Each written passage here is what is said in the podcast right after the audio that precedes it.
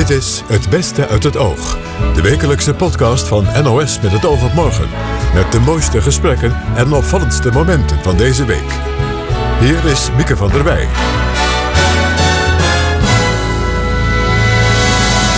Welkom bij de Weekpodcast van het Oog. Er zijn weer vier mooie gesprekken geselecteerd. Zometeen hoort u hoe groot de nalatenschap van de overleden Egyptische oud-president Mubarak is. Elke muur, elke afbeelding. Ik kan ook precies zo Mubarak voor je uittekenen. Ik ben echt opgevoed met zijn, met zijn beeldenis. Jan Rots brengt een ode aan het jarige nummer This Land is Your Land. Van het wijze oosten tot het wilde westen. Dit land heeft plaats voor jou en mij. En u hoort waarom een militair historicus bij het Marengo-proces tegen Ridouan Taghi aan iets heel anders denkt dan aan zware criminaliteit. Maar eerst naar de Griekse eilanden Lesbos en Chios. De lokale bevolking daar raakte deze week slaags met de oproerpolitie vanwege de plannen voor nieuwe afgesloten opvangkampen voor migranten. De situatie in de huidige kampen is namelijk onhoudbaar, vertelde Frank Kallenberg ons afgelopen week. Hij is net terug uit kamp Moria op Lesbos, waar hij een tijdje als arts werkte. En hij vertelde aan Chris Keijne hoe hij daar terecht kwam. Um, nou, een aantal maanden geleden was ik naar een uh, medisch congres. En daar je sprak... bent arts in opleiding? Ik ben in opleiding tot ja. huisarts, ja. En um, ik was naar een, uh, een congres, medisch congres. En daar sprak een arts die uh, voor Stichting Bootvluchteling uh, naar Lesbos was gegaan. En daar een tijd als arts had gewerkt. En um, nou, dat was zo'n indrukwekkend verhaal. En toen dacht ik, dit, dit moet ik ook doen. Ik wil ook mijn steentje bijdragen. En um, ik heb toen contact opgenomen met die stichting, Stichting Bootvluchteling. En een paar maanden later zat ik op Lesbos. En dat ja. was dus inderdaad drie weken geleden. En zat ik op Lesbos? Maak dat dus iets concreter. Hoe, hoe, hoe zat je en wat gebeurde Ja, um, nou, het, uh, heftig, intens was het. Um, uh, ik heb daar twee weken gezeten en van die twee weken um, ja, bijna alle dagen eigenlijk gewerkt in uh, Moria, in, in het kamp. Um, en dat, ja, dat werken um, is, is. Even, even voor de duidelijkheid: ja. er is een officieel kamp. Ja. Daar is plek voor 3000 man. Ja. Maar daaromheen zitten inmiddels 22.000 mensen in Klopt. makeshift, heet dat dan in goed Nederlands. Uh, gewoon uh, geïmproviseerde behuizingen. Hè, ja, dus het is iets. inderdaad een klein omheind gedeelte. Um, en, maar een veel groter deel is allemaal daar rondom. Want dat omheinde gedeelte is bedoeld voor 3000 mensen. Maar er zitten 22.000 in totaal. Hmm. Ja. ja. En wat doe je daar dan? Hoe ziet een werkdag eruit? Nou, um, uh, het werk voor, uh, voor deze stichting, dat, uh, dat, zij leveren eigenlijk de spoedzorg um, in de avonduren van vier s middags tot elf s avonds. Um, en verder is er ook geen andere ja, medische kliniek die, die dan die medische zorg kan verlenen. en de dag ziet er eigenlijk als volgt uit. S ochtends begint eigenlijk al. Alle artsen en, en verpleegkundigen hebben al een taak. Ik moest bijvoorbeeld eigenlijk alle, ja, alles bevoorraden in de kliniek in Moria. Hmm. Um, door dat vanuit de apotheek in het vrijwilligershuis alle medicatie te halen die we nodig hadden in de kliniek. Dan gingen we om drie uur met z'n allen naar uh, Moria toe. Um, drie uur in de middag en uh, om vier uur begonnen we. En zagen we nou gemiddeld denk ik tussen de 180 en 250 mensen op een avond. En dat tot een uur of 11, 12. Dan met z'n allen terug, debriefen en uh, ja, dat was dan het einde weer van de dag. En um, is dat dan een situatie waarin ik me moet voorstellen dat jullie ergens achter een tafeltje zitten en, en daar staat een enorme rij mensen voor? Hoe ziet het eruit? Nee, die kliniek die is, um, dat is ook weer een ja, omheinde plek eigenlijk. En uh, daar staan rijen met mensen. Um, en uh, die, die worden eigenlijk één voor één binnengelaten. En uh, buiten staat een arts die doet de triage. Dus dat wil eigenlijk zeggen... De eerste, ja, die, eerste kijkt van wie, is, ja. wie moet nu meteen gezien ja. worden. Wie kan even wachten en wie kan nog net iets langer wachten. Um, en zo werd er een soort selectie gemaakt. En um, zagen we met, ik, ik, denk gemiddeld vier artsen en een verpleegkundige tegelijk, zagen we al die mensen. En wat um, zag je het meest uh, aan, aan klachten langskomen? Nou, dat, dat varieerde heel erg. Van, van eigenlijk alledaagse dingen, zoals um, uh, verkoudheden, uh, mensen die hoesten, snotterig, keelpijn, buikgriep. Um, maar ook veel heftigere dingen. Um, veel steekpartijen. Bijna dagelijks mensen met steek, die met steekwonden binnenkwamen. Want het is volstrekt onveilig in die volstrekt onveilig, kampen ja. er om, ja. om het officiële kamp ja, heen. daar is eigenlijk geen, geen controle. Um, kindjes met een koolstofmonoxidevergiftiging gebeurde ook bijna dagelijks. Ehm, eh, veel mensen met schurft, eh, wat echt een ontzettend groot probleem is daar. Hersenvliesontsteking, ehm, ja, ontzettend heftige dingen allemaal die, je- die je hier in Nederland eh, veel minder snel ziet. Welke patiënt staat op je netvlies? Mm, ik denk dat dat ehm, tijdens mijn tweede dienst was. Eh, dat zijn eigenlijk twee patiënten, twee jonge jongens eh, van ik denk een jaar of 15 die eh, gestoken waren. Ehm, echt poging tot moord, denk ik. met talloze steekwonden in buik, borst, rug. En ja, die kwamen meer, meer dood dan levend ongeveer binnen. Eh, dat Wat heb je voor ze kunnen doen? Ehm, nou, wat je op zo'n moment probeert is vooral te, te stabiliseren. Dus vooral eigenlijk iemand in leven proberen te houden.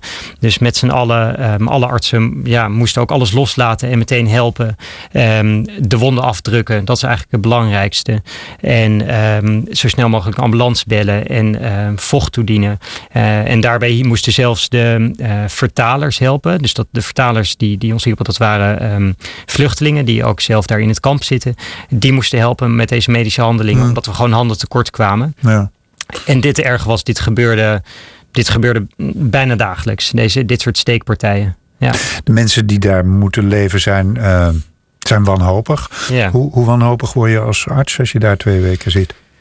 Ehm, ja, goede vraag. Ehm, heel, heel wanhopig. Ehm, ik, ik, merkte bij mezelf ook. De eerste dagen kostte het mij ook wel wat tijd om, om ja, te, te acclimatiseren. Een raar woord om hier te gebruiken. Maar Hmm, Ehm, de- op een gegeven moment moet je ook, denk ik wel, ehm, eh, ja, moet je een beetje immuun worden voor wat er daar allemaal gebeurt. En, en die wanhoop toch maar achter je laten en gewoon je medische werk doen. Want dat, dat is wat je daar kan doen.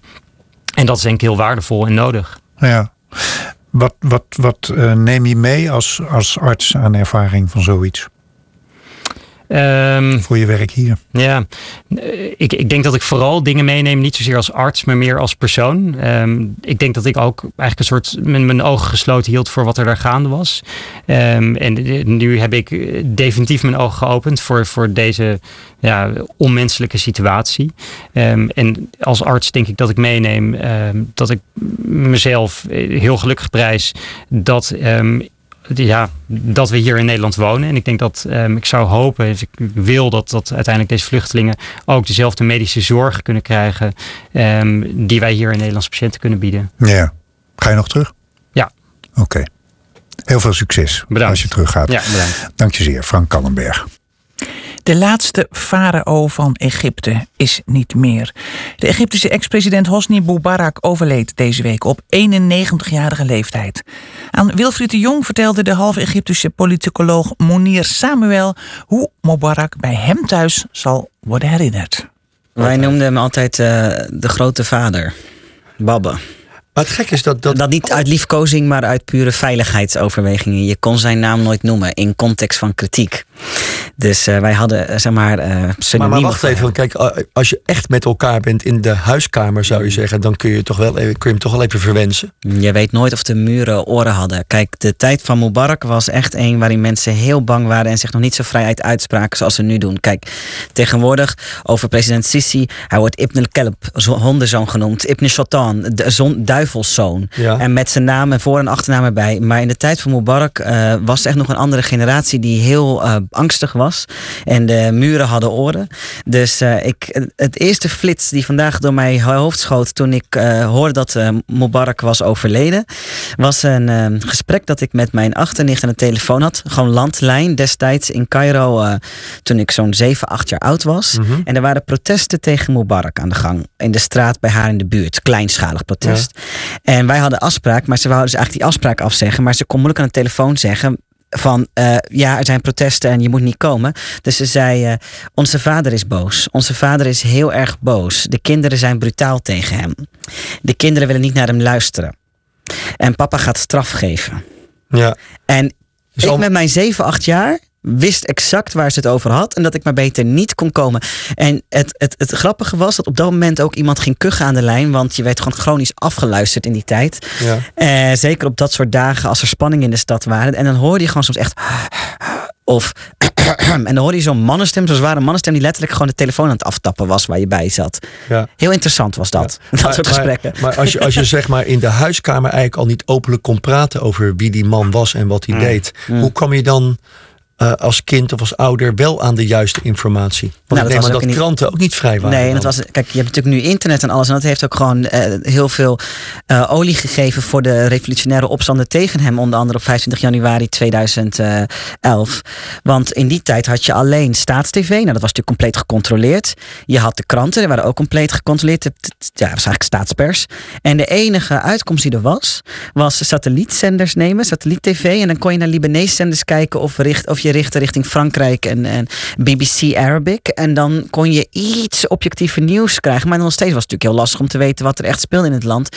Wat dat betreft heeft eh, internet echt grote. En, en burgerjournalistiek heeft grote veranderingen teweeggebracht. Ja, want tot dan toe eh, werkt het eh, vaak zo in landen van hè, dictators, om even gemak, eh, klassieke gemakshalve te dictator. zeggen. Mubarak was een klassieke dictator. Ja, dat, dat, dat, dat ze worden bewierookt, dat je in beeldvorming Overal- alleen maar groter worden Ja, gemaakt. elke muur, elke afbeelding. Ik kan ook precies zo Mubarak voor je uittekenen. Ik ben echt opgevoed met zijn, met zijn beeltenis. Ja, hij had, ja, het klinkt een beetje. Ik zat even wat foto's door te plaatsen. Hij had wel een goede kop eigenlijk. Hij had een ideale charismatische kop voor een dictator. En hij verfde zijn haar heel zwart en zag er altijd heel jong uit. En, en pochte met zijn potentie.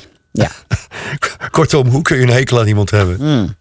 Ja. Nou, dat kan heel ben, jij, makkelijk. ben, jij, ben je op, was jij oprecht blij met zijn dood nu? Hoe nee, werkt dat? kijk, het, het- dat is dus het ding. Eh, in Egypte eh, is sinds de faraonische tijden een diep respect voor de dood en voor de doden. Dus je zult ook weinig Egyptenaren horen zeggen vandaag: yes, hij is dood en we dansen op zijn graf. Ehm, je merkt een bepaalde stilte. Eh, ik krijg een bericht van mijn familie: Mubarak is dood. Ja. Hij is dood. Allah yarhamu, mogen God zich over hem ontfermen. Allah yarhamu.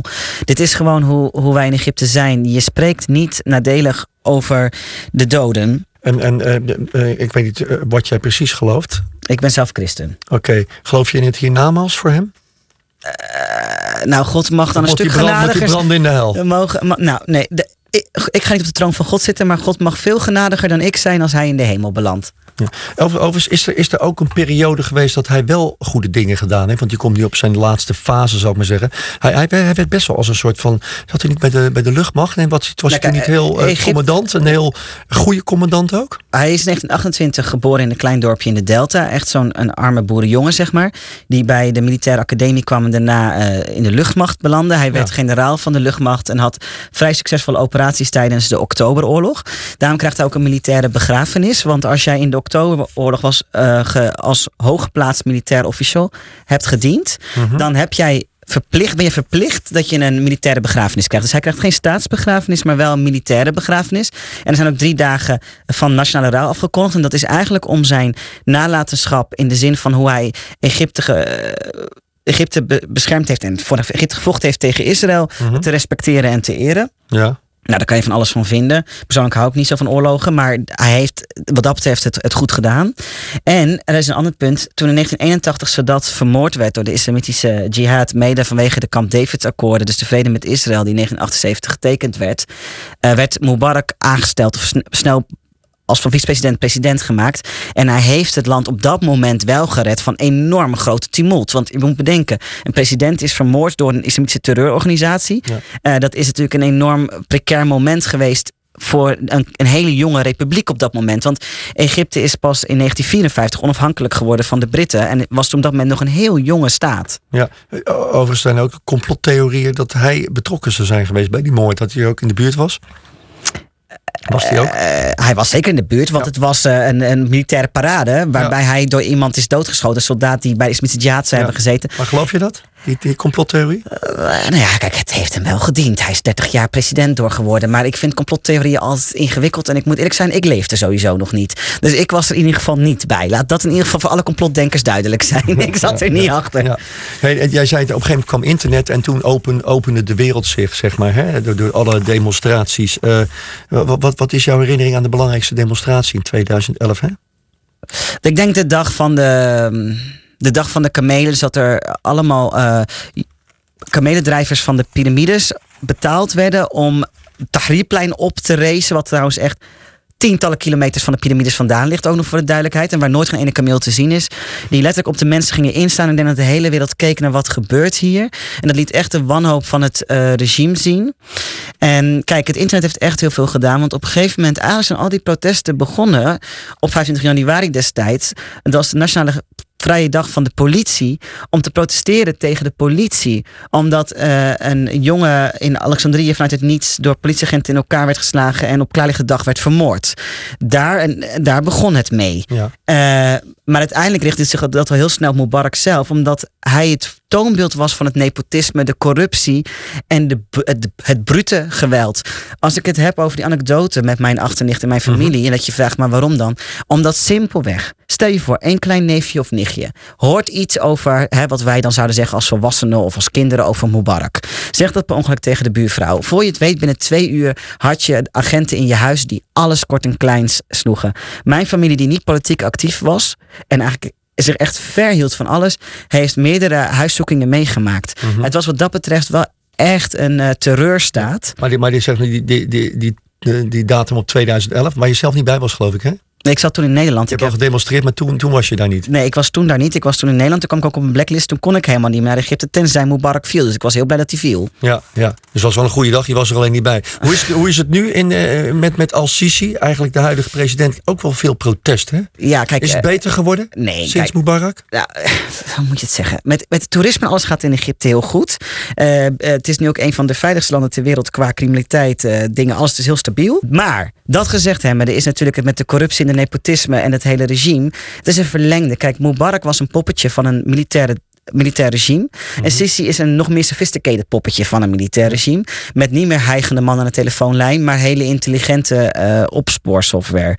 Dus wat dat betreft is, is het subtieler geworden. Sisi ook slim genoeg om zich niet bij elke af, straathoek af te beelden. Mhm. Um, een slimmere, kapitalistischere, uh, corruptere vorm nog, uh, die heel erg een oligarchie is van uh, dezelfde mannen in pakken met militaire connecties. Dus wat dat betreft, nee. S slimmer, maar, maar niet beter. Ik moet je bedanken. Monier Samuel, journalist en politicoloog.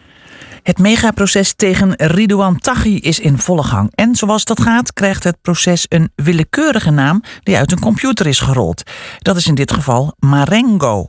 Toen militair historicus Wim Klinkert die naam hoorde, dacht hij aan iets heel anders dan aan een smeuïge rechtszaak. Zo vertelde hij aan Rob Trip. Ja, ik dacht gelijk, waarom een veldslag van Napoleon? Dat was mijn eerste gedachte. De slag bij Marengo. De slag bij Marengo, jazeker. En uh, een die Napoleon ook uh, erg gepromoot heeft zelf. Dus die naam is wel, uh, is wel bekend geworden daardoor. Want hoe belangrijk was die slag? Nou, die slag was wel belangrijk voor Napoleon. In eerste instantie, hij is uit 1800, mooi jaartal. 14 juni 1800. Napoleon tegen de Oostenrijkers in Noord-Italië. Marengo ligt tussen, tussen Milaan en Genua zo ongeveer. Ehm, de Fransen wilden de Oostenrijkers verslaan uit Noord-Italië om daar het gezag weer terug te krijgen. Uh, en het was een van de eerste slagen van Napoleon nadat hij aan de macht was gekomen in 1799, dus het jaar ervoor. Dus hij was nog geen keizer op dat moment. Dus er was hem veel aan gelegen om die slag te winnen. En dat lukte in het begin helemaal niet. Die slag liep dramatisch slecht voor hem. Uh, eigenlijk de eerste de ochtend van die dag liep helemaal slecht. Hij had het verkeerd ingeschat. Hij had zijn troepen verkeerd gepositioneerd. Het liep voor geen meter. Dus hij moest op een later moment in die slag nog allerlei troepen laten aanrukken. Hij moest nog versterkingen krijgen van zijn eigen eenheden die hij die, die verkeerd verspreid had opgesteld. En dat lukt uiteindelijk net. En die Oostenrijkers weten, weet hij uiteindelijk te, te, verslaan. Dus het was kantje boord? Het was een kantje boordslag. En daar, ja, daar kom je niet mee, uh, mee thuis eigenlijk. Uh, Dus hij heeft er eigenlijk heel snel een echte overwinning van gemaakt voor het Franse volk. En het flink uh, ingepeperd dat dit een hele belangrijke overwinning van de nieuwe consul, want dat was toen al zijn titel, was. Ja, die dus minder briljant was, in ieder geval toen, als, als volgens sommigen die later is gebleven. Ja, ja de, de, de briljantie van Napoleon zit misschien in het feit dat hij hem toch nog net gewonnen heeft. Maar uh, ja, de, het is niet de, de briljantie van de, van de grote slagen die die daarvoor trouwens ook al, maar ook nog daarna zal het tentoonspreiden. Dat is ja. waar. Zeg, het grotere verhaal van die slag, hè? waar draaide die oorlog eigenlijk om? Ja, die oorlog draaide, het was echt belangrijk. De Fransen waren al jarenlang in oorlog, werden eigenlijk van drie kanten aangevallen. Vanuit het noorden, vanuit Nederland, waar de Engelsen waren geland het jaar daarvoor uh, bij, uh, bij Den Helder. Nou, dat was verslagen door de Fransen. De Oostenrijkers vielen aan en de Russen vielen aan via Duitsland en via Noord-Italië. Dus aan alle kanten werd Frankrijk aangevallen. En Napoleon uh, pleegde een staatsgreep en beloofde de Fransen om die oorlog te beëindigen en wel zo snel mogelijk met een aantal grote overwinningen. En in die rij is Marengo een van de eerste. Dus dat was, daar was hem echt veel aan gelegen. Eh, maar zo beslissend is hij dus ook weer niet geweest. Want het was weliswaar een overwinning. Maar er moest er nog eentje volgen aan de noordzijde van de Alpen. Marengo ligt natuurlijk aan de zuidzijde van de Alpen. Maar aan de noordzijde van de Alpen was de, de eh, Oostenrijkse aanval nog steeds bezig. En dat gebeurde pas veel later in 1800. Maar daar was Napoleon helemaal zelf niet bij. Uh, dus die overwinning is eigenlijk in de Franse geschiedenis nou eigenlijk niet zo erg naar voren gehaald. Want ja, de keizer was er niet. Maar het was wel een belangrijke Franse overwinning. Want daarna konden ze echt met de Oostenrijkers vrede sluiten. Ja. Bent u nou het type historicus die alles wil weten van zo'n slag? En dus ook van kip Marengo? Nou, het is wel een hele interessante vraag. Ik heb het nog nooit gegeten. Maar uh, mijn eerste instantie zou zijn... Ik, ik zou zo naar Marengo toe willen. Eens kijken wat daar nu nog van resteert. Want Napoleon had enorme plan om daar een grote piramide te bouwen. Nou, dat is er nooit gebeurd. Dus dat was mijn eerste gedachte. Maar ik vind een uh, kip Marengo ook heel goed. Ja, want die slag heeft een gerecht opgeleverd. De kip Marengo. Historica, cu culinair historica moet ik zeggen. Charlotte Klein, goedenavond. Goedenavond. Ja, um, een gerecht voor Napoleon zelf. Wat, wat is het historische verhaal van dat gerecht? Ja, het is, het is een legende. Het verhaal gaat dat uh, Napoleon na die slag bij Marengo honger kreeg. En zijn kok vroeg, uh, uh, vroeg om wat te gaan maken. Maar de keukenwagens waren blijven hangen. Die waren er niet. Dus ging de kok of zijn hulpjes, die gingen maar kijken wat er was. En daar improviseerde hij dat gerecht mee. En vaak zie je dat het uh, met tomaat is, witte wijn, knoflook, soms ook rivierkreefjes en een gebakken ei bovenop. Mm -hmm. Alleen het komt helemaal niet terug in de bronnen. Tomaten waren toen nog niet in Noord-Italië, vermoedelijk. Um, dus het is heel onwaarschijnlijk uh, dat Napoleon ook echt toen uh, dat gerecht heeft gegeten. Waarschijnlijk ja, is het later ik, bedacht en is er. Wat ik las vanavond, Sorry? dat hij altijd het, het, gevecht inging met lege maag, hè? Dat hij niet at van tevoren. Ja, hij was ook niet, hij was niet dol op eten. Hij deed heel snel, hij wilde niet lang aan tafel zitten. Het interesseerde ah. hem niet zo. Het was niet echt een eter. Nee, nee. nee. Zeg, en is dit nou zo'n gerecht waar verschillende recepten dan van rondgaan? Ik bedoel, hoe weet je zeker wat de ingrediënten eigenlijk waren? Ja, dat is dus lastig. Het uh, eerste recept dat we hebben, dat is uit 1891, een Italiaans kookboek. Daar zit geen tomaat in. En inmiddels, ja, je komt van alles tegen. Nu zit er eigenlijk altijd wel tomaat in en witte wijn. Uh, maar soms ook nog uh, ja, gebakken eieren bovenop. Ja, is het lekker? Um, ik, ik, heb het eerlijk gezegd zelf nooit gegeten. Ja, ik, ja het is, het is ja, kip met een tomatensaus met knoflook en witte wijn erin. Ja, mm. dat wordt wel lekker. ja. ja. En Wim Klinkers, ook, ook wel eens gegeten of niet? Nee, nee, nee, maar ik word er nu toch wel een beetje benieuwd naar. Nee, Marengo, ik, ik associeer het eerder met een paard. Het Napoleon heeft een van zijn paarden Marengo genoemd. Ah, en ja. ook de Franse marine heeft een aantal schepen naar Marengo genoemd. En hij heeft zelfs nog zijn eigen soldaten aangespoord toen hij in 1815, wat uiteindelijk naar uh, Waterloo zou worden, hier naar het noorden kwam. Gingen ze de grens over op 14 juni. En toen zei hij ook: Dit is de dag van Marengo, jongens. Herinner je dat? En uh, we gaan er nu weer zo'n mooie overwinning van maken. Dat liep wat anders. Dus hij heeft het, hij heeft het er wel ingehouden, de, de naam. Dus hij heeft het terwijl de Fransen wel goed, uh, goed tussen de oren gekregen. Ja, en past eigenlijk waar wij het nu vanavond over hebben ook een beetje in dat beeld dat u net schetste. Dat het gewoon ook heel veel imagebuilding is rond Napoleon. Ab absoluut. Hij was een briljant veldheer, maar hij wist ook heel goed hoe hij dat, dat imago van hemzelf moest, uh, moest versterken. Misschien nog aan een klein voorbeeldje. Dat beroemde schilderij van Napoleon op die op dat grote witte paard zit waarmee hij de Alpen overgaat. Ja. Dat is voorafgaande aan de slag van Marengo. Dan gaat hij op weg naar, naar wat later Marengo gaat worden. In werkelijkheid zat hij op een ezel en uh, was het gewoon een wat, wat, wat, wat triestige bedoeling uh, daar over die Alpen heen. Een koud en moeilijk allemaal. Maar ja, daar kan je niet mee aankomen op een schilderij. Dus dat, dat pakte hij dan toch even wat groter aan. Dat is wat je dat tegenwoordig PR noemt natuurlijk. Hè? Ja, daar, daar was hij heel erg van, uh, van overtuigd hoe, die, hoe je daarmee moest spelen. Dat, dat kon je wel aan hem overlaten, ja. ja. Mooi verhaal. Komende week gaat de zaak tegen Tachi trouwens gewoon weer verder. Dus die naam Marengo zal weer vaak voorbij komen. En dan weet u wat u s'avonds kunt eten. Tot slot een duik in de Amerikaanse muziekgeschiedenis. Want dit nummer is 80 jaar oud geworden. This land is your land and this land is my land. From California to the New York Island. From the Redwood Forest to the Gulf Stream waters. This land was made for you and me. This Land is Your Land van Woody Guthrie. Liedjeschrijver Jan Rot vertelde mij afgelopen week waarom dit zo'n krachtig en iconisch nummer is. Hij heeft er zelfs een Nederlandse vertaling van gemaakt. Terwijl ik wandel op de stille heide, naar wijdse luchten en groene weiden, denk ik als iemand hard voorbij rijdt. Dit land heeft plaats voor jou en mij. Dit land is jouw land, dit land is mijn land. Van de kop van Friesland tot de rand van Brabant. Van het wijze oosten tot het wilde westen. Dit land heeft plaats voor jou en mij.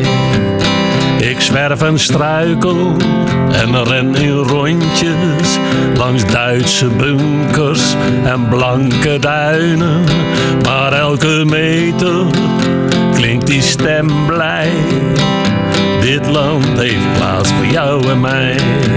Als de zon dan doorbreekt en ik blijf lopen tussen open velden en wuivend koren. En de nevel optrekt, laat een koor zich horen. Land heeft plaats voor jou. Gaan we dit als koor doen? Dit land is jouw land. Dit land is mijn land. Van de kop van Friesland tot de rand van Brabant. Van het wijze oosten tot het wilde westen. Dit land is nooit voor jou en mij. Toen ik wat later weer in de Randstad angst en verdriet zag en al die ego's, sloot ik mijn ogen en zocht de echo. Dit land heeft plaats voor jou en mij. Dit land is haar land, dit land is zijn land. Van de voet van Limburg tot de duin en zeerand. Van het zoete Zeeland tot aan Nieuwe Schans. Dit land heeft plaats voor jou en mij. Is, dit land is jouw land. Dit land is mijn land. Van de kop van Friesland tot Brabant. Van het wijze oosten tot het wilde westen. Dit land heeft plaats voor iedereen. Ja, mooi Jan Rot. Het het is echt een lied voor jou. Toen je het hoorde wist je waarschijnlijk meteen, dit moet ik vertalen. Ik zag de versie van eh, Bruce Springsteen. Op, eh, hij deed dat live. En Ja. eh, die had het zo verdrietig. Eh, dus ook de, de misstand. Woody Guthrie heeft het. Die had op zijn gitaar staan. This machine kills fascists. En this land is your land. Hij schrijft eigenlijk als protest tegen God bless America. Eh, van eh, jongens, als dit land van iedereen is. eh, laat dat dan ook merken. Nou, er zitten ook hele maatschappij-kritische regels ook Ja, in. Hè? En, en coupletten. De meeste mensen komen daar niet aan toe. Maar dan zegt hij: As I was walking, I saw a sign there. And that sign said: No trespassing. But on the other side, it didn't say nothing. Now, that side was made for you and me. Ja. Hè? En I see people en eh, nou ja, arme mensen. En Dus ik heb je, die ja, eigenlijk ook af. wel allemaal. eh, ik heb heel goed naar het origineel gekeken en het dan naar Nederland gehaald. En eh, ja, met die, die Duitse bunkers en blanke duinen. Dat is ook heel geestig, omdat zo net, net van dat soort woorden. En het, het geeft allemaal prikkeling. Mm. Het is een heel maatschappij-kritisch lied. Eigenlijk was het in, in die tijd, eh 80 jaar geleden, ook controversieel meteen. Weet je dat? Eh, nou, hij, hij schreef het en hij was het meteen weer vergeten. Het heeft al vier jaar geduurd voordat hij dat weer eens eh, naar, naar voren bracht. En eh, het, het is vooral een hit geworden door, zonder die coupletten. Dus alleen maar iedereen, oh wat hebben we toch een fijn land. Ja. En dan mensen als Pete Seeger, die, die, die, die hamerden maar steeds op. Ja, maar mensen, dit lied dat gaat ergens over. En dan wil je het over, dat highest moment van dit lied was eigenlijk bij de inauguratie van Obama. Ja, het is een evergreen. Eh, Je hebt Bruce Springsteen al genoemd, eh, Pete Seeger. We hebben even heel kort een paar uitvoeringen achter elkaar gezet. Lady Gaga komt ook nog langs. Well, this land is your land. This land is my land. From California, is Bruce, hè? Ja. Gulf Stream. Ja, dit is Pete Seeger. Die laat iedereen altijd meezingen. This land was made for you. Dit is Arlo de zoon ja.